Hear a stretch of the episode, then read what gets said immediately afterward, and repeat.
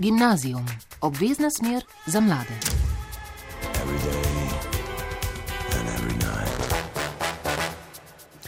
Lepo pozdravljeni. Ker je bil prvi danes na obisku v Gornji Radgoni, se spodobi tudi, da v mladinski oddaji gostimo dijake, ki prihajajo iz teh krajev.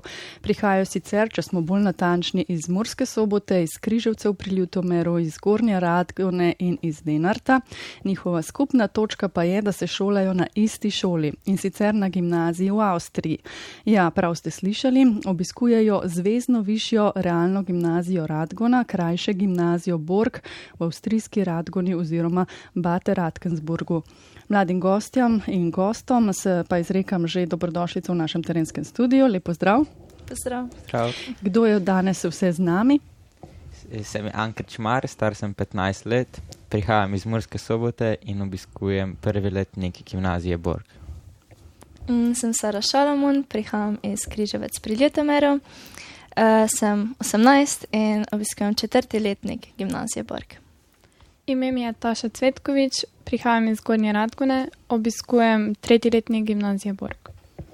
In moje ime je Domen, Jug, prihajam iz Lenarta v Slovenskih Goricah, star sem 18 let in sedaj obiskujem zadnji letnik gimnazije Borg.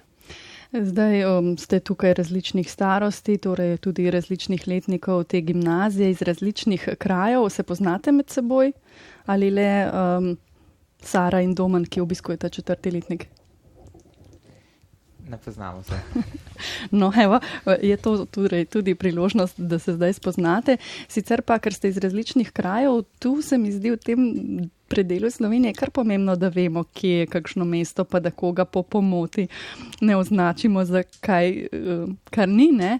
Eh, Bomo vprašali Mursko sobočana. An, je tebi hudo oziroma hudo narobe, če bi ti kdo rekel, da si kaj drugega kot prekmurec? Pa ne bi bilo narobe, ampak prijetno mi pa tudi ne bi bilo. Domen, Lenart, središče slovenskih goric, ne, ampak a, ti kdo reče, če si ti iz prekmurja slučajno a, po nesreči? Po moje, meni ne, ker se ponovadi prek Murci malo svoj naglas, jaz zanimam, tako da do zdaj še mi nihče tega ni rekel.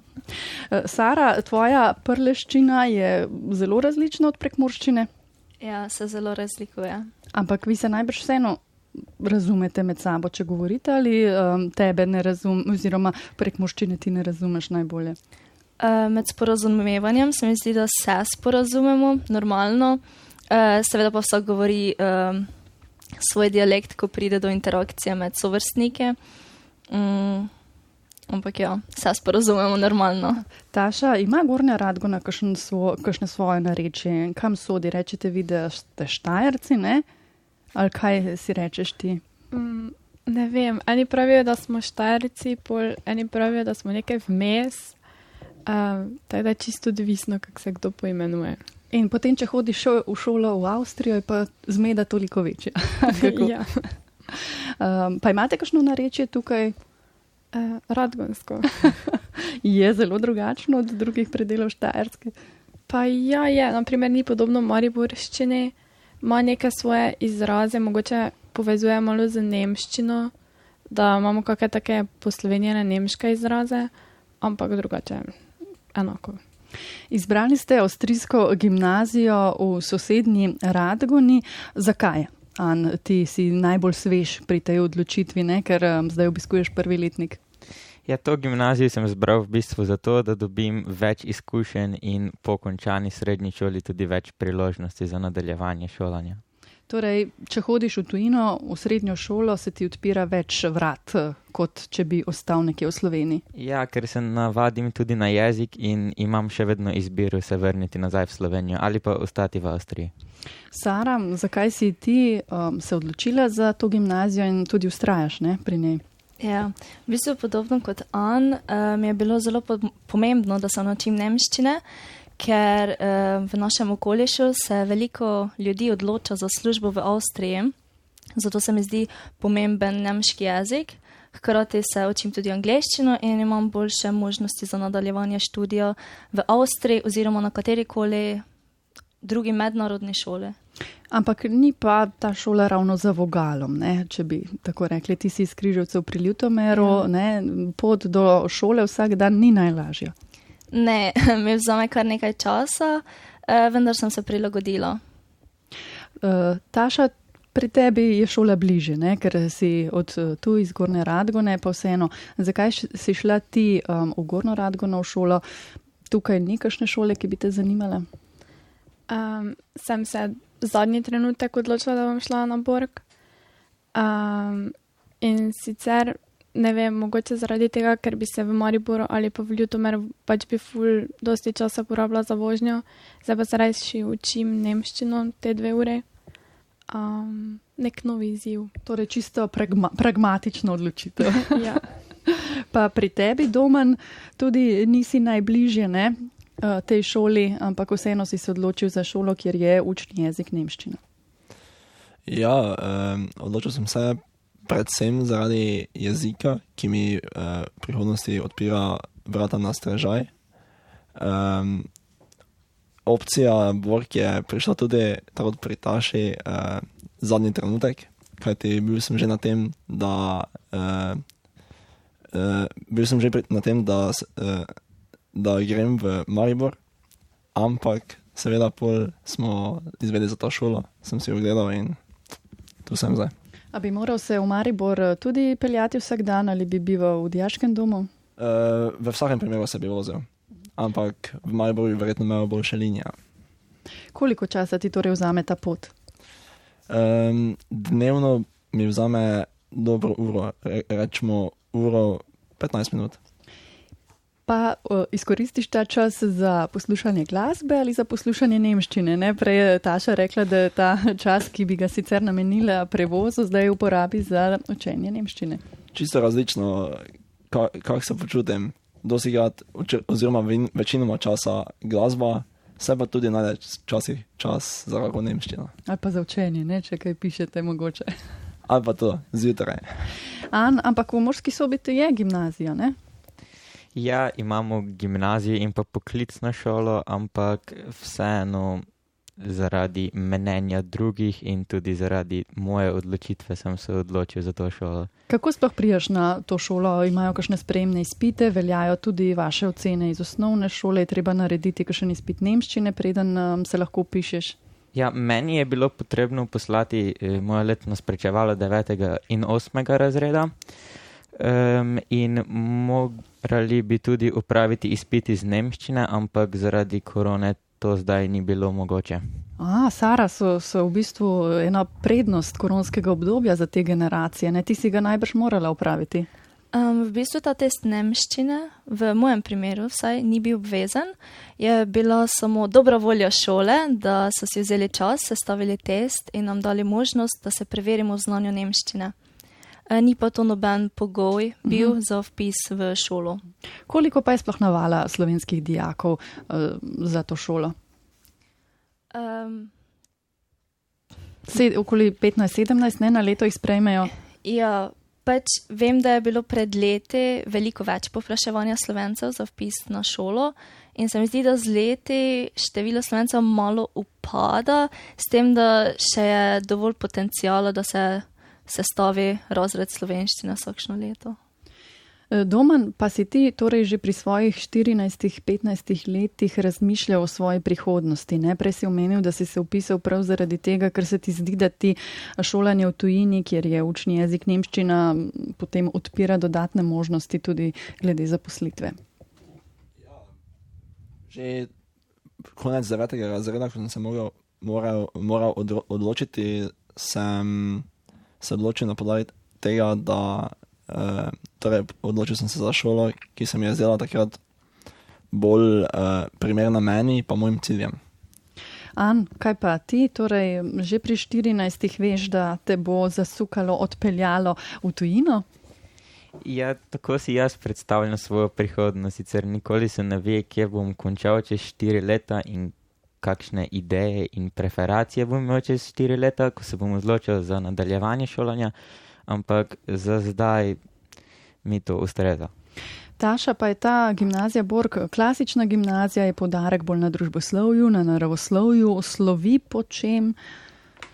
Um, obs, pač imamo tri smeri, torej se lahko odločiš, če boš obiskoval glasbeno, jezikovno ali naravoslovno.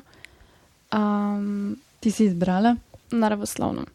Potem se v tretjem letniku, oziroma konec drugega, odločiš, če si naravoslovna smer, za geometrijo ali pa za biologijo, torej še bolj podrobneje. In kaj si izbrala ti, za Um, mene vse zanima? Geometrija. Zdaj, gimnazija Borg je posebnost v avstrijskem šolskem sistemu, saj ima na urniku tudi slovenščino. Slovenščina je eden izmed predmetov, ki ga lahko izberete kot obvezni izbirni predmet, če se ne motim, na mesto francoščine ali latinščine. Um, ali je to res, vem prav, in ali ste jo vi izbrali, Sara? Uh, ja, imate prav. Jaz sem se odločila za pouk slovenščine. Uh, namreč nisem želela izgubiti stika z materinščino, ker se mi zdi, da bi pozabila pisati na nek način, ker bi bila tako ujeta v učenje nemščine, nemški jezik. Ja. Taša pa ti? Um, jaz zelo rada pišem, tako da sem nekako, vseeno še nemščina mi ni bila tako blizu, oziroma tak jezik, da bi vedela besede um, nekako tako v slovenščini uporabiti v nekih besedilih. Um, pa se mi je zdelo fajn, da vzamem slovenščino. Domen, kako se sploh učiš v tujini svojega maternega jezika? Kakšen pouk imate, koliko ur na teden in ali izgleda tako kot pri nas slovenščina v slovenskih gimnazijah? Kar se tiče pouka slovenščine na naši gimnaziji, uh, zvezke, učbenike, vse imamo enako, enake kot uh, naši sovrstniki v Sloveniji. Uh, v bistvu imamo pouk, kot da smo v Sloveniji, ni, ni, ni nobene razlike, po mojem mnenju. Kaj pa književnost? Tudi književnost se zelo podarja.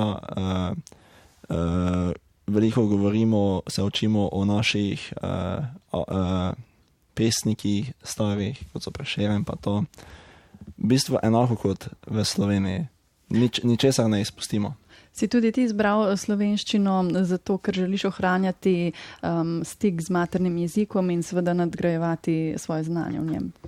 Ja, bi se lahko tako reklo. Kaj ti sedaj, ko obiskujem uh, gimnazijo v Avstriji, je seveda poudarek na nemščini ter mogoče angliščini. In če ne bi obiskoval slovenščine, bi verjetno zelo zanemaril ta jezik in mi ne bi več tako dobro. An, ti sicer eh, šele nekaj časa zdaj obiskuješ, ne prvi letnik, pa eh, to šolo, ampak vseeno, kako se tebi zdi pouk slovenščine? Ja, pouk slovenščine se mi zdi zelo zanimiv. Učiteljica se je zelo poglabila za nas in za naše interesacije. In pa zdi se mi, da mi je to zdaj v prvem in mogoče tudi v drugem letniku bo kot nekako, nekakšno zavetje od nemškega jezika in od vseh drugih nemško govorečih ljudi. Ker vsi predmeti ne morate razmišljati v nemščini, ne? v njih. Ja, Pa ste slovenci, ki obiskujete um, to šolo in ki imate za izbirni predmet slovenščino v istem razredu, Sara? Uh, sovrstniki, ja.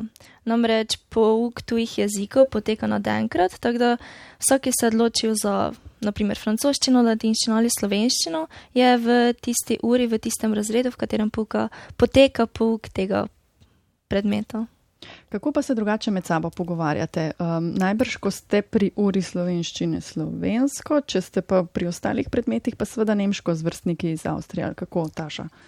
Ja, sicer Avstrijci so na začetku začeli z nami angliško govoriti, um, ker ne vem, pač bili smo tujci in niso vedeli, kako pristopiti. Ampak smo jim pol enostavno samo rekli, da znamo nemško, da se lahko nemško pogovarjamo. An, uh, kak ti si zdaj imaš svež vtis, kako je, ko prideš v tujino, v šolo, kako so te sprejeli um, sošolci in sošolke, večina je iz Avstrije, ne? Ja, moji sošolci in sošolce moram reči, da so me sprejeli zelo lepo. Tudi oni se trudijo govoriti v angleščini, ampak sem jih že vrstokrat eh, povedal, da se moram naučiti nemškega jezika in da naj govorijo v nemščini, ampak so pripravljeni pomagati, vse mi 300 krat razložijo, če je treba in pokažejo s pantomimo ali glavno na koncu razumem, kaj mislijo. Sara, kako je bilo pa pri tebi? Se še spomniš prvega, naprimer, šolskega dne pred uh, tremi leti in še nekaj časa? Uh, kakšen si se dobro počutila, te je bilo kaj strah? Ja, prvega šolskega dneva se zelo dobro spomnim. Uh, namreč bila sem zelo, zelo živčna, bilo me je zelo strah. Ampak moram reči, da sem imela uh, moralno podporo svojega bratranca, ki je prav tako um, začel z mano, prvi letnik, smo hodili v isti razred.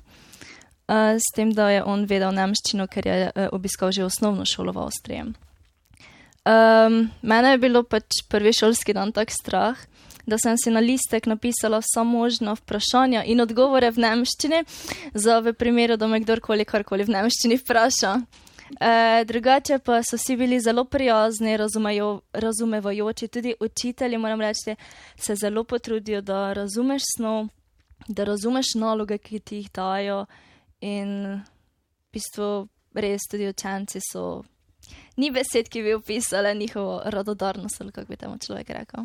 Taša imajo težave s kakšnimi primki in imeni, pri izgovorjavi, naprimer. Na začetku ja, nasploh, ker imam še in če. Um, ampak drugače se navadijo. Mislim, moraš jim razložiti, da ni zdaj že, da ni karkoli drugega, ampak še. ampak ja, gre. Jaz sem nekje prebrala, no, da kdaj pa kdaj vseeno se lahko sliši tudi kakšna željivka na vaš račun. Ste vi kaj takega doživeli? Da vam rečejo, da niste pač domačini, da prihajate iz pač Slovenije ali pa Jugoviči ali pa kaj takega. A je to stvar preteklosti, domen? Jaz osebno še take izkušnje nisem imel, ne zelo namerne. Se seveda se uh, na šoli obstajajo šale, pa to med prijatelji. Uh, in če pač, če, sta, če prihajam jaz iz Slovenije, moj prijatelj iz Avstrije, seveda samo na račun drugega, da je ponorčevala, ampak nobene zelo namerne žalitve še nisem doživel. Koliko pa vas je v razredu v tej gimnaziji? So tudi tako veliki razredi kot pri nas? Um, prvi letniki so, vsaj moj razred je v prvem letniku bil poln, torej 30 uh, eh, učencev v vsakem razredu. S, uh, vendar pa potem z leti, seveda, eni prenehajo s šolanjem, drugi odidejo delati in število se zmanjša trenutno nas je v četrtem letniku, v mojem letniku nas je 21. Uh, eh, ampak ja. Taša, imaš tudi ti tako um, prednost, oziroma si imela tako prednost, da si poznala koga v prvem letniku, ko si prišla na šolo, tako kot Sara, pa je bilo potem vsaj malo lažje? Mm, ne.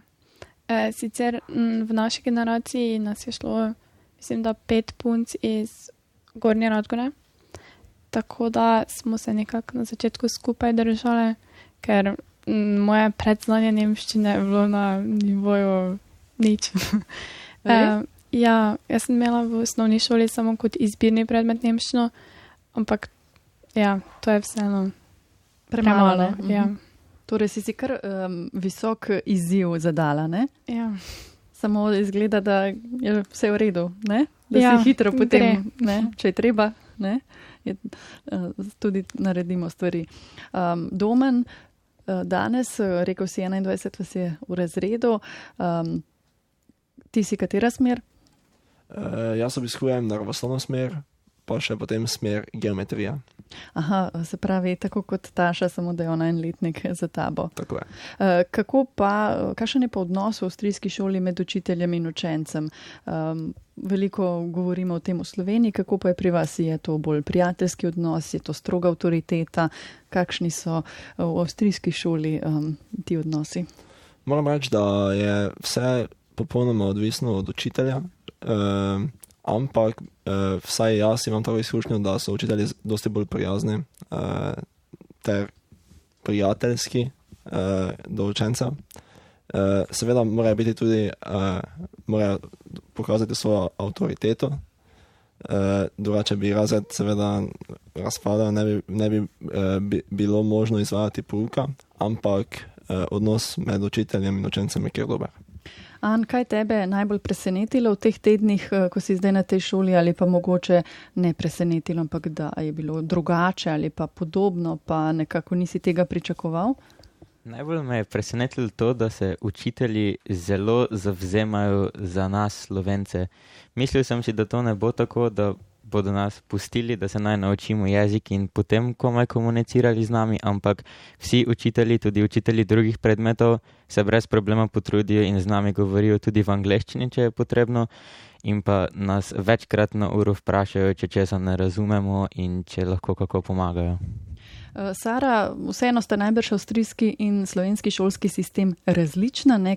Kaj je tista razlika, na katero bi ti opozorila? So to že ocene mogoče? Imate veliko enk?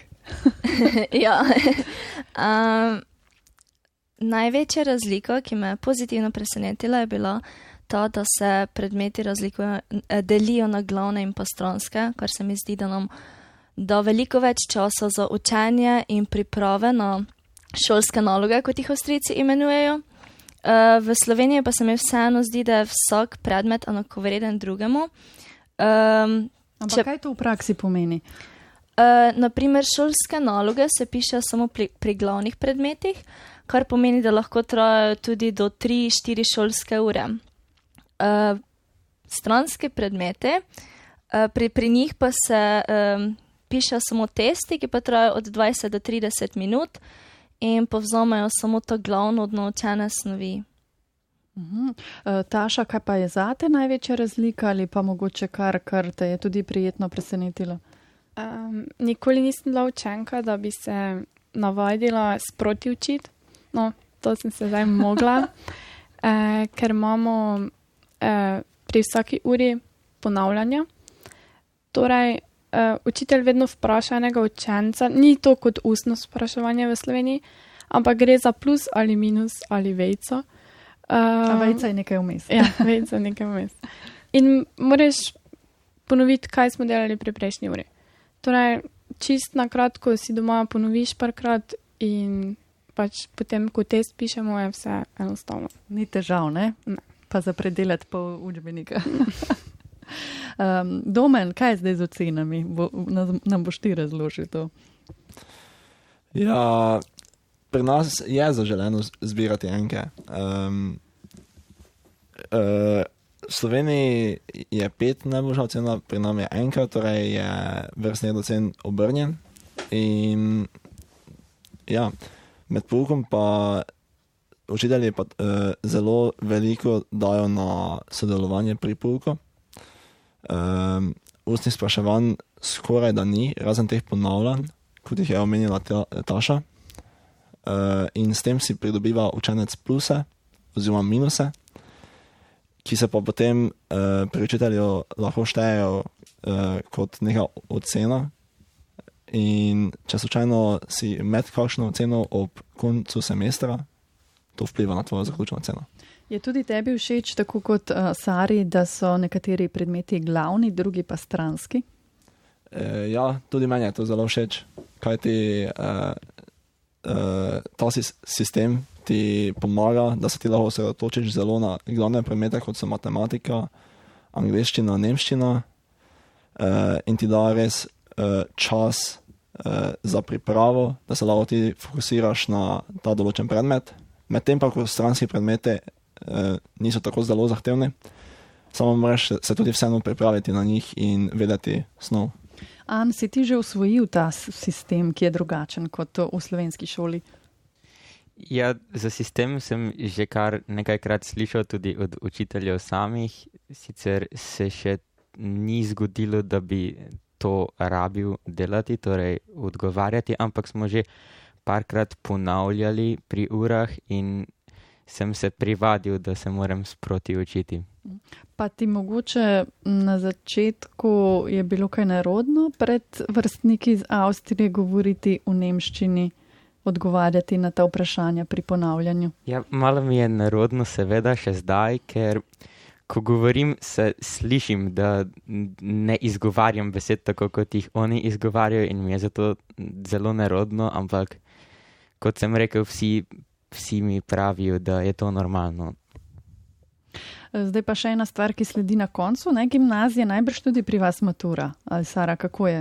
Ja, um, ja v bistvu. uh, izobraževanje se zaključi z maturo. Um, Koliko predmetov, um, kako dolgo vas strašijo z njo, je to bav bav ali ne? Je to um, samo gola formalnost? Ne bi rekla, da je takšen bav, pač se treba pripraviti na maturo, kot na vsakšno drugo, na vsake druge šole. Um, si pa pač lahko raz, izbiraš med predmeti, v katerih boš maturiral. Um, Máš pa tri obvezno pisno, pisne mature, pa potem pač tudi ustne, ki si pa jih sam izbereš. Kaj si si ti izbrala? Še nismo tako daleč. Pri nas v tretjem letniku ne že zbirajo izbirne predmete. Pri vas kdaj sledi ta odločitev? Uh, ne vem točno, še nam niso povedali, da bi se mogli že uh, fiksno odločiti za predmete. Uh, seveda pa razmišljamo pač cel čas o tem. Kateri so tisti glavni? Omenila si tri, ne? Ja, matematika, nemščina in pa mislim, da angliščina oziroma tuj jezik, mm. živ tuj jezik. Lahko pa potem kot izbirnega izberete tudi slovenščino, domen. Uh, ja, kot, uh, kot ustno, za ustno maturo lahko vzamemo uh, slovenščino. No, mi pa bomo zdaj slišali eno v angleščini. Gimnazijum, obvezna smer za mlade. Every V gimnazijumu, ki nastaja v našem terenskem tovornjaku na terenu v Gornji Radgoni, so z nami še vedno Sara, Taša, An in Domen, dijaki gimnazije Bork iz avstrijske Radgone, seveda živijo tu v Sloveniji. Edina prava domačinka je sicer Taša, ostali pa prihajajo iz krajev v okolici Murska sobota, Lenart in Križevci pri Ljutomeru, sem si prav zapomnila. Ja. Prej, pred skladbo smo ostali pri maturi, pa smo se zdaj le med to skladbo izvedela, Domen, da je letos kar posebno leto tudi za vas maturante. Ne? Boste prva generacija, ki boste kaj pri maturi? Ki bomo uh, na maturi lahko pisali na računalnike in tudi šolske naloge bomo lahko pisali uh, na računalnik. Vi kar veliko uporabljate ne? računalnike v šoli, Sara.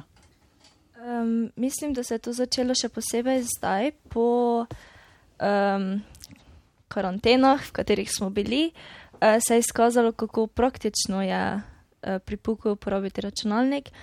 Um, namreč uporabljamo jih pri matematiki, uh, predvsem zaradi aplikacije, ki se imenuje GeoGebra, drugače pa uh, učitelji uh, dovolijo, da si vse zapiske delaš na računalnik. Uh, Taša, si ti tista, ki si še zapisuje v zvezek ali imaš računalnik pred sabo? Um, zvezek. No, sicer pa uh, si pa že ti neki z maturo se pa morala odločiti, ne si rekla, čeprav si že uh, šele tretji letnik. Um, ja, mi temu rečemo FVA, torej Vorwissenschaftliche Arbeit, uh, ki je kot um, maturantska naloga. Oziroma, ja. Kot ena seminarska naloga pri maturi, ja? Ja, ki jo začneš pisati v tretjem letniku in jo moraš februarja v četrtem letniku dokončati, oziroma še potem ustno predstaviti. Um, to ima nekje 20 do 25 strani o neki temi, ki si si pač zbral, ki ti je. Je pa z področja, ki, ki ga obravnavaš v šoli, oziroma iz smeri, ki si, si jo ti izbrala uh, v gimnaziji, ne? se ja. pravi geometrija. Ja. Ja, uh -huh. je priporočeno, da pišem nekaj v smeri geometrije, ker če ne, potem moram ta predmet na maturi pač zbrati kot maturantski. Mislim, kot, ja. Kot eh, tistega, ki moraš uh, potem ja. pisati, ne, oziroma govoriti. Ja, Domen, uh, omenila je Sara karanteno. Kako je bilo v, v, v Avstriji zdaj to zadnje leto in pol? Koliko ste bili doma, koliko je bilo šolane nadaljavo? Pri nas so slovenski dijaki protestirali, ne, ker so želeli nazaj v šolo. Uh, kakšen je bil sistem pri vas? Pri nas je bilo kar pestro. Um, seveda se je vse začelo marca z prvo karanteno. Spomnim se, da smo takrat uh, bili uh, na novo izpostavljeni Teamsom. Uh, cela šola se je naenkrat morala preklopiti na, uh, virtualno, na virtualen svet, v virtualen svet. Uh, In na začetku je bilo malo, seveda, malo zmede, kajti vse je bilo novo, ampak s skupnimi močmi smo nekako skupaj skozi prišli. Um, po tej prvi krizi smo začeli že spet hoditi v šolo, uh, delili smo se na skupine, po 10, 11, 12 učencev. Aha, tako da ste razbili torej, razrede na manjše skupine. Ja, na dve skupine uh -huh. in uh, smo se menjavali. Uh, uh, nastali so novi urniki um, in te dve skupini so se nekako izmenjavali vsak teden. Eni so bili doma, pa prek Zuma gledali predavanja, eni ste bili pa naprimer v učilnici, ne? tako kot so tudi pri nas potem kasneje. Ja, najprej sicer je bilo pri nas tako, da smo um, eni bili v živo pri urah, drugi pa so dobili, torej smo mi delali v živo, uh, preko mailov so dobili naloge in so jih morali doma opraviti in potem poslati. video. Mhm. Um, Sara, uh, kakšne so tvoje izkušnje, koliko časa ste bili potem doma, kako ti je šlo um, pri, tem, uh, pri tem izobraževanju nadaljavo? Uh, v bistvu doma smo bili pri, približno enako dolgo kot Slovenci, razen ko smo se mi vrnili v šolo v izmeničnih skupinah, se mi zdi, da je v Sloveniji še vedno potekalo šolanje od doma. Um, v bistvu meni je še najbolj odgovarjal sistem, ki smo ga imeli v prvi karanteni. Namreč učitelji so nam uh, v ponedeljek oziroma torek poslali um, nalogo, ki smo jo morali um, skozi celoten teden izpolniti in oddati. Uh, in to je bilo pač to, zdaj v tej drugi karanteni, pa, uh, pa so ure potekale v živo preko Teamsa. In v bistvu je bilo kar naporno cel dan presedeti za računalnikom, potem pa smo še dobili nalogo, ki smo prav tako mogli, eh, morali rešiti eh, na računalniku. Tako da, v bistvu, če povzamem, smo cel dan ždeli za računalnikom. Enako torej kot uh, tu v Sloveniji. Ampak ja. protestirali pa niso avstrijski dijaki. Kaj veste? Eh, sama nisem toliko aktivna v avstrijskem prostoru, tako da ne bi vedela. Uh, Taša, zdaj pri nas se dijaki samo testirajo, kaj morate vi vse narediti, da lahko pridete v vašo šolo. Vi ste tudi tisti, ki vsak dan prečite državno mejo. Ne vemo, ponavadi tam meje ni bilo, zdaj je, ne, mislim, kontrola, bomo rekli. Ne.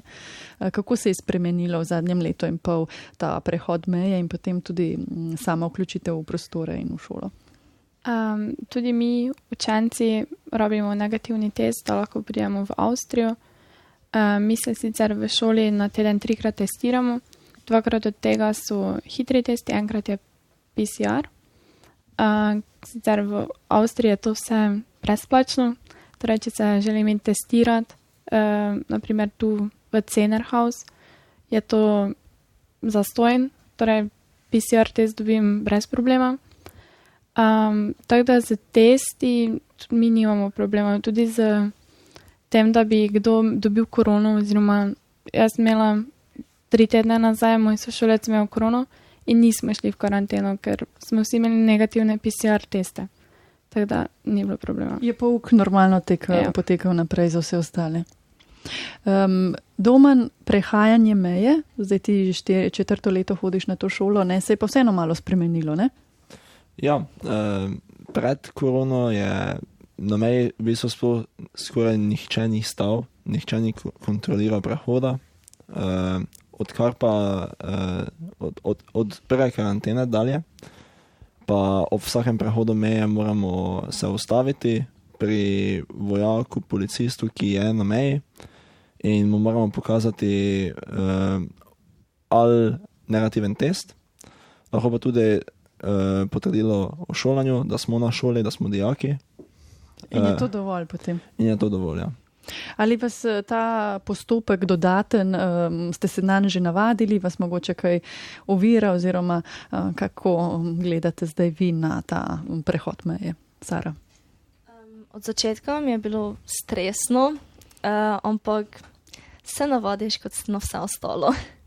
Eh, Taša, pa ti, ker živiš tu blizu, najbrž tebi um, avstrijska radgona ne, ni, ne pomeni take tujine kot naprimer nekomu iz eh, drugega kraja, ki je bolj oddaljen. Ne? Kako zdaj ti gledaš na to, da tam pa so policisti, vojaki?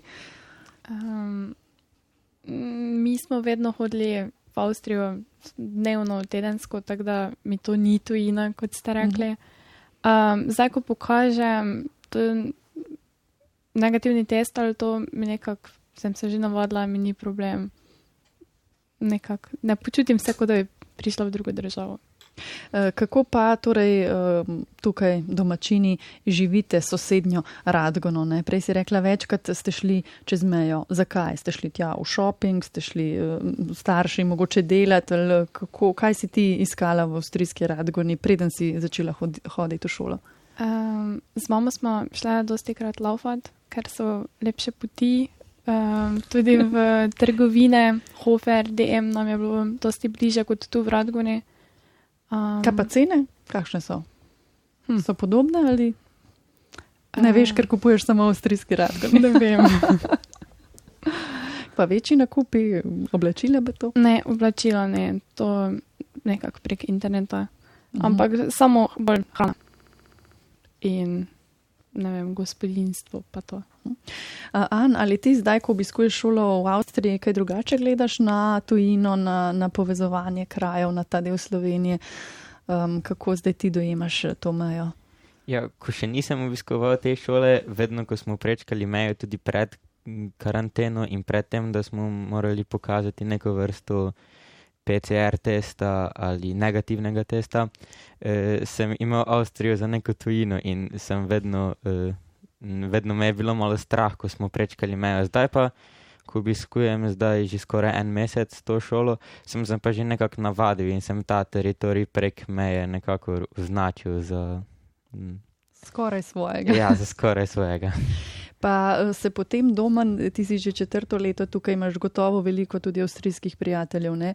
Greš potem tudi ven, kdaj v avstrijski radgoni s svojimi vrstniki iz Avstrije ali vseeno žuraš, če rečem po domače v svojem kraju, torej v Lenartu?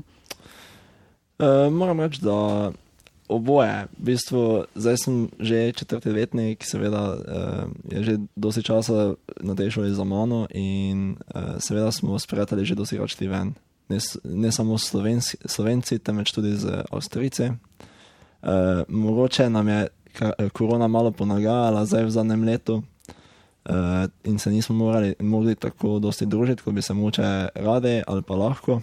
Ampak ja, vseeno, e, po polku, e, dosti rad se gre v center na opijačo ali pa hrano. Taša, kje se v obeh radgunah največ dogaja za mlade? Um, danes zvečer, kam bi šla, če bi, bilo, naprimer, če bi bil petek, pa ne bi bilo nobenih omejitev in tega, kje, kje se tu največ dogaja. Zdaj je že hladno, tako da od zunaj nismo, uh, pri kakem prijatelju doma ali pa, ja, večino krat pri nekom doma. Kakšnih klubov, pa kaj takega, pa najbrž ni, ne? Čeprav imate pa mladinski center v Gornji Radgoni, če se ne motim. Ja, zdaj glede klubov in tega, glih ne vem, ker v devetem razredu, v prvi letnik še nisem dolgo hodila po klubih, uh, zdaj pa je bila korona, tako da nimam nekih izkušenj. Tale korona je kar zarezala, ne, v vaš vsak dan. Ja, ne. Ampak se znajdete drugače, ne si umenila, Taša, pri komu doma. Sara, kako se je pa pri tebi spremenilo to družabno življenje, ko je bila korona, eh, prijateljev nisi videla, teh iz šole, kaj pa mogoče si se toliko več potem družila doma, torej eh, ti si iz, um, Murske, uh, ti si iz um, Križevcev pri Ljutomeru. Um v bistvu sem se družila s prijatelji, ja, če smo šli komu na obisk, uh, nismo pa toliko hodili ven.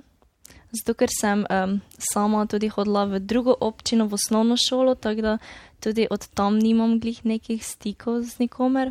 Smo se pa v zadnjem, cajtu, uh, v zadnjem času zelo povezali z Avstrijci. Uh, ti imajo klube, grejo skoraj vsaki vikend ven, A to prav v avstrijski Radgoni uh -huh. ali mhm. morajo kam dal? Ne, prav v, Gorni, v Bad Radkersburgu. Uh, in smo veliko krat, vse v našem razredu, smo dve slovenki, smo večkrat povabljene z njimi ven, se družimo, tako da je fajn.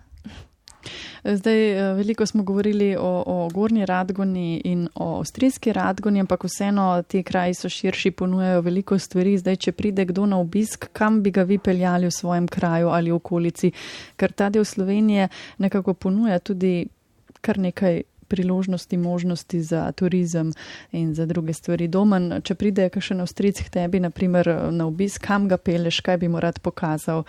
Um, kaj misliš, da na čim um, izrazi tudi on, naprimer, ali ona um, zanimanje? Um, ja, če bi prišel, če bi ga domov povabil k sebi, uh, bi mu zagotovo pokazal okolico. Sam sem z Lenarta. Uh, po mojem bi ga malo po mestu peljal, kakšno uh, restauracijo, prav hrano, pa to. Um, Taša, pa ti? Um, jaz sem bolj športni tip, tako da mogoče bi šla kolesariti ali pa na sprehod. Mm, v kakšne toplice pa to jih ne bi bile, ali kaj, v kakšno vinsko kleče ne smete. Sara, kaj pa ti? Kje vidite vi potencial uh, svojih um, krajev, moram zdaj reči, se pravi svojega domačega kraja in okolice? Uh, meni najbližje mesto je um, Ljutomer, tako da zagotovo bi šli malo po mestu, uh, v kakšno restauracijo oziroma kavarno. Uh, drugače pa po mojem najbližje sta mesti Maribor in pa Murska sobota, ki sta malo večji. Ali pa zanimivo bi, zanimiv bi po mojem bil tudi vinarium. Uh, An pa ti, Murska sobota prek Morije ponuja tudi kar nekaj ne stvari. Ja, moram povedati, da so Mursko soboto zdaj kar precej obnovili, še posebej center, tako da stoprocentno mogoče v kakšen lokal v centru ali pa v kakšno restauracijo, tega imamo polno. Razkazal bi verjetno tudi Goričko, ki je zelo lepo, eh, saj imamo tam tudi vikend in se spoznam v tistih krajih, pa verjetno bi mu pokazal tudi Muru, saj je reka, ki nekako zaznamuje ta kraj. Taša, je tudi tebe reka Mura zaznamovala, ti si najbližje zdaj, ne, tukaj stanuješ blizu Um, reke. Pa fajn se sprehaja do Muri, ampak pa mogoče kaki. Mm, zdaj s čovnom, mislim, z temi. Eh? Splavi, Mm, Ne. Ne, eh, raftingi. raftingi. Ja. Uh, bi bilo fajn, ampak drugače mm, nič posebnega. Nekaj, kar imaš ne, na dosegu roke. Ne? Um, zdaj smo se pogovarjali o teh vaših krajih. Se vam zdi, da je to območje uh, v Sloveniji zapostavljeno, da nekako prek Morja, pa tudi Prlekija, Slovenske gorice, da nekako ne dobijo takšne pozornosti, kot bi si jo zaslužili domen? Um, po mojem mnenju, mogoče čist malo smo bolj zapostavljeni, kajti uh, bolj turistični kraji so proti zahodu. Uh, ampak jaz mislim, da če bi kakšen turist si hotel gledati slovenske gorice, pa prek Murje, bi zagotovo imel kaj lepega za videti. Uh, kaj pa zapostavljen v smislu, ne vem, um, bolj rednih avtobusnih povezav in kaj takega, ne? Si rekel, da ti kar dolgo časa, mislim, traja kar nekaj časa, da prideš do šole. Tudi tu bi se dalo kaj narediti. Ja. Sara tudi kima, ne? Kako pa to, ti gledaš na to? Ali mogoče središče države pozablja na te kraje vaše? Ali vemo mogoče samo nekaj stvari in to je to, ne vemo pač eh, o določenih blagovnih znamkah, pa o določenih eh, zdraviliščih, kaj, a ne, ostalo pa nekako ni, ni v prvem planu. Ja, pač sama nisem nikoli veliko razmišljala o tem, ampak se mi zdi, da večinoma pozo večina pozornosti v Sloveniji leti na Ljubljano in pa zahodno ter južno od Ljubljane. Um, drugače pa zagotovo smo znani po zdraviliščih, um, pa tudi drugače se turizem kar razvija, vendar bi se definitivno dalo vložiti denar še kam drugam, pa ja, še kaj druga izpostaviti. Oziroma, ja.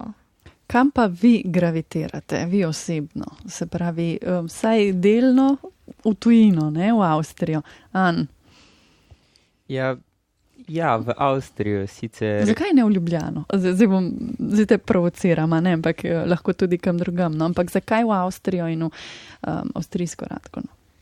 Eh, kot sem že rekel, za to srednjo šolo sem se odločil, ker v bistvu ni, razdalja ni tako velika, da prispem do te šole in vseeno je to druga država, poskusim nekaj drugega. In ko končam to šolo, če bom si premislil, še vedno lahko brez problema obiščem šolo v Sloveniji, naprimer v Ljubljani in v Mariboru, imam pa tudi možnost, da jo obiščem v drugi državi, v Avstriji ali celo Nemčiji ali v drugi mednarodni šoli.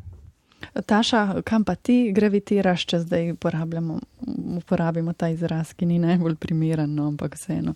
Um, če bi se zdaj mogla odločiti, uh, bi šla še dlje od Avstrije, torej mogoče kako Nemčijo, Dansko. Vse lahko nekaj pustiš za študij, ne? Mislim, ja, študij, zdaj, to je zdaj študije čez dve leti, mm. -hmm. tako da se moram že počasi odločiti.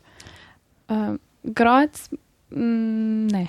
Mm, Zakaj ne preblizu? ne, ni to problem, da je preblizu. Um, ne vem, nekako ni moje okolje, se mi zdi. Mhm, Torej, um, vibracije v Gracu niso eh, kompatibilne s tvojimi. Ja. No, pa bomo še o vaših načrtih eh, za prihodnost eh, govorili po naslednji, tale pa um, prihaja prav iz teh koncev in krajev. Gimnazijum, obvezna smer za mlade. Every Edino Leopold I v gimnazijumu v sredo 20. oktobra v našem terenskem eh, studiu v Gornji Radgoni smo slišali tako mate. Z nami so mladi, ki prihajajo iz Slovenije, hodijo pa v Avstrijo v gimnazijo Borg, An, Sara, Taša, Domen. Eh, Je Leopold I, ki prihaja prav iz Gornje Radgone, popularen v teh koncih, Taša? Um, odvisno. Uh, Če imaš rad tako zvrst glasbe ali od česa? Ja, od tega. Tako v družbi je fajn poslušati, sama se ne bi spravila tega poslušati. Da, Ja. Sara? Um, meni osebno je glasbenik zelo vredo, ima um, zelo kritične, vsebinsko um, dobre komade uh, in ga rada poslušam, res. Um, kako sicer, kaj se še kaj dogaja tu um, za mlade? Prej smo govorili, da bolj kot ne je eh, tale korona pa epidemija sta spremenili nekako čas, um, um, pa tudi druženje vaše, ampak vseeno. Uh, An, ali ti mogoče obiskuješ še kakšen krožek, kaj drugega v domačem kraju ali ne?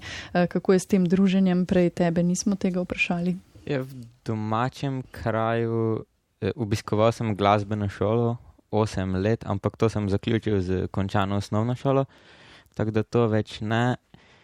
E, ampak nekih koncertov oziroma prireditev zdaj ni, ne zaradi korona nasplošno jih ni v tem času leta, ampak je veliko igrišč, naprimer za košarko ali pa za nogomet, kjer se s prijatelji dobimo ali pa če mogoče gremo na tekmo, gledati tekmo, nogometno. In, ja.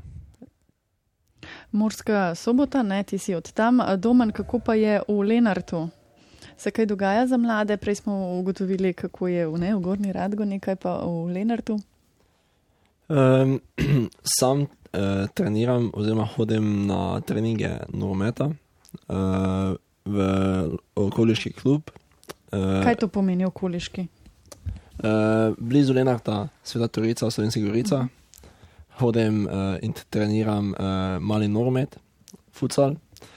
Uh, in v bistvu večina teh krajev tu okoli ima vsaj en klub, oziroma uh, ponavadi je to nogometni klub. Veliko košarkaških klubov, za odbojka se dosti igra tu okoli. Tudi tak, takšnih re, rekreacijskih športnih društev je veliko kjer lahko v bistvu počneš karkoli. V bistvu za vsakega se nekaj najde. Eh, Prej smo omenili, da bomo povedali tudi nekaj več o vaših načrtih za prihodnost. Eh, Kam boš ti odšel na študij, ker najbrž je od tega odvisno tudi, ali boš z vsemi temi obšolskimi, obštudijskimi dejavnostmi nadaljeval, ne? če bo še čas se ukvarjati eh, z malim nogometom, naprimer. Uh, namen imam iti študirati v Avstrijo, odločam se med Dunajem ter Gracom. Uh, za zdaj še nisem ravno eh, 100% odločen, kam me bo podvodilo, nagibam se sicer k Gracu, ki mi je bližji. A bi tam potem stanoval v študentskem domu ali bi se tudi vozil? Koliko je sploh do Gracov tu? Uh, eno uro, pa nekaj mislim, da. Iz Lenarta še malo več. Malo več, je, od mene se, se da že nagiba k dvema, dvema urama. Ja, torej študentski dom, ne? Potem. Uh, ja, ja, opcija je moče, da bi se vozil, samo po mojem se ne splača, torej bi bilo boljše ostati tam. Um, si tudi ti še neodločena, Sara, ali že veš, kje boš prihodnje leto študijsko? Um, bila sem že odločena, pa so se plani spremenile. Um, vseeno pa se nagibam k študiju na švedskem. Um, sicer mednarodnem, ki bo potekal v angleščini. Ne vem še, nisem se še točno odločila za smer. Um, ja, to je to. Visoko potezni načrti, bravo, Taša, Mm, ne, ne. Grac ne, ne, če ja, mogoče. Mogoče Je še ne, daleč ta odločitev. Ja. Potem, Ana, tebe, tebe sploh ne smemo vprašati, ker imaš še 3-4 leta do takrat, ne? Ampak vseeno, mogoče tujina pa najbrž bo, ne? Ja, tujina najbrž bo, sicer vse možnosti so še odprte, mogoče bom končal tudi nazaj v Sloveniji, ali pa ne vem, vse je še možno. Mislite, da boste tudi zaposlitev potem iskali v tujini, da je tukaj v vašem domačem kraju premalo priložnosti za vas, Sara? Nimam pojma, je še predaleč, eh, da bi lahko 100% odgovorila na to vprašanje. Definitivno bom pa službo iskala v kraju, kjer se bom nastanila, zdaj pa če bo to v tujini, potem v tujini, mogoče pa tudi v Sloveniji. Taša, pa ti? Um, jaz bi rada uporabila znanje jezikov, tako da po moje v tujini. Domen pa ti? Tudi jaz mislim, da uh, bom zaposlitev iskal v tujini. Je tam več priložnosti, so boljše plače? Tudi in seveda s tem razlogom obiskujem tudi to šolo, da se naučim jezika, ki je v Evropi zelo popularen, oziroma ga govori veliko ljudi in mi to odpira možnosti se zaposliti v tujini. Ja, cel nemški trg se ti odpre, ne? Ja. In avstrijski. Ja, pa smo zdaj prišli v bistvu na začetek današnje oddaje in nekako sklenili tale krok, tako da jaz se vam zelo lepo zahvaljujem, da ste eh, prišli v Gorno Radgono na tale pogovor. Um, naši gosti te oddaje so bili An Krčmar iz Morske sobote, Taša Cvetkovič iz Gorne Radgone, Sara Šalamon iz Križevcev pri Ljutomeru in Domen Juk iz Lenarta. V naš terenski studio sem jih povabila Špela Šebenik, zato ne poskrbel Lauro Štanta. Prijeten večer vam vsi skupaj želimo in vam pošiljamo pozdrave iz Gorne Radgone, vam pa res še enkrat eh, hvala in seveda srečno na vaši poti. Hvala. Srečno. Gimnazijum, obvezna smer za mlade.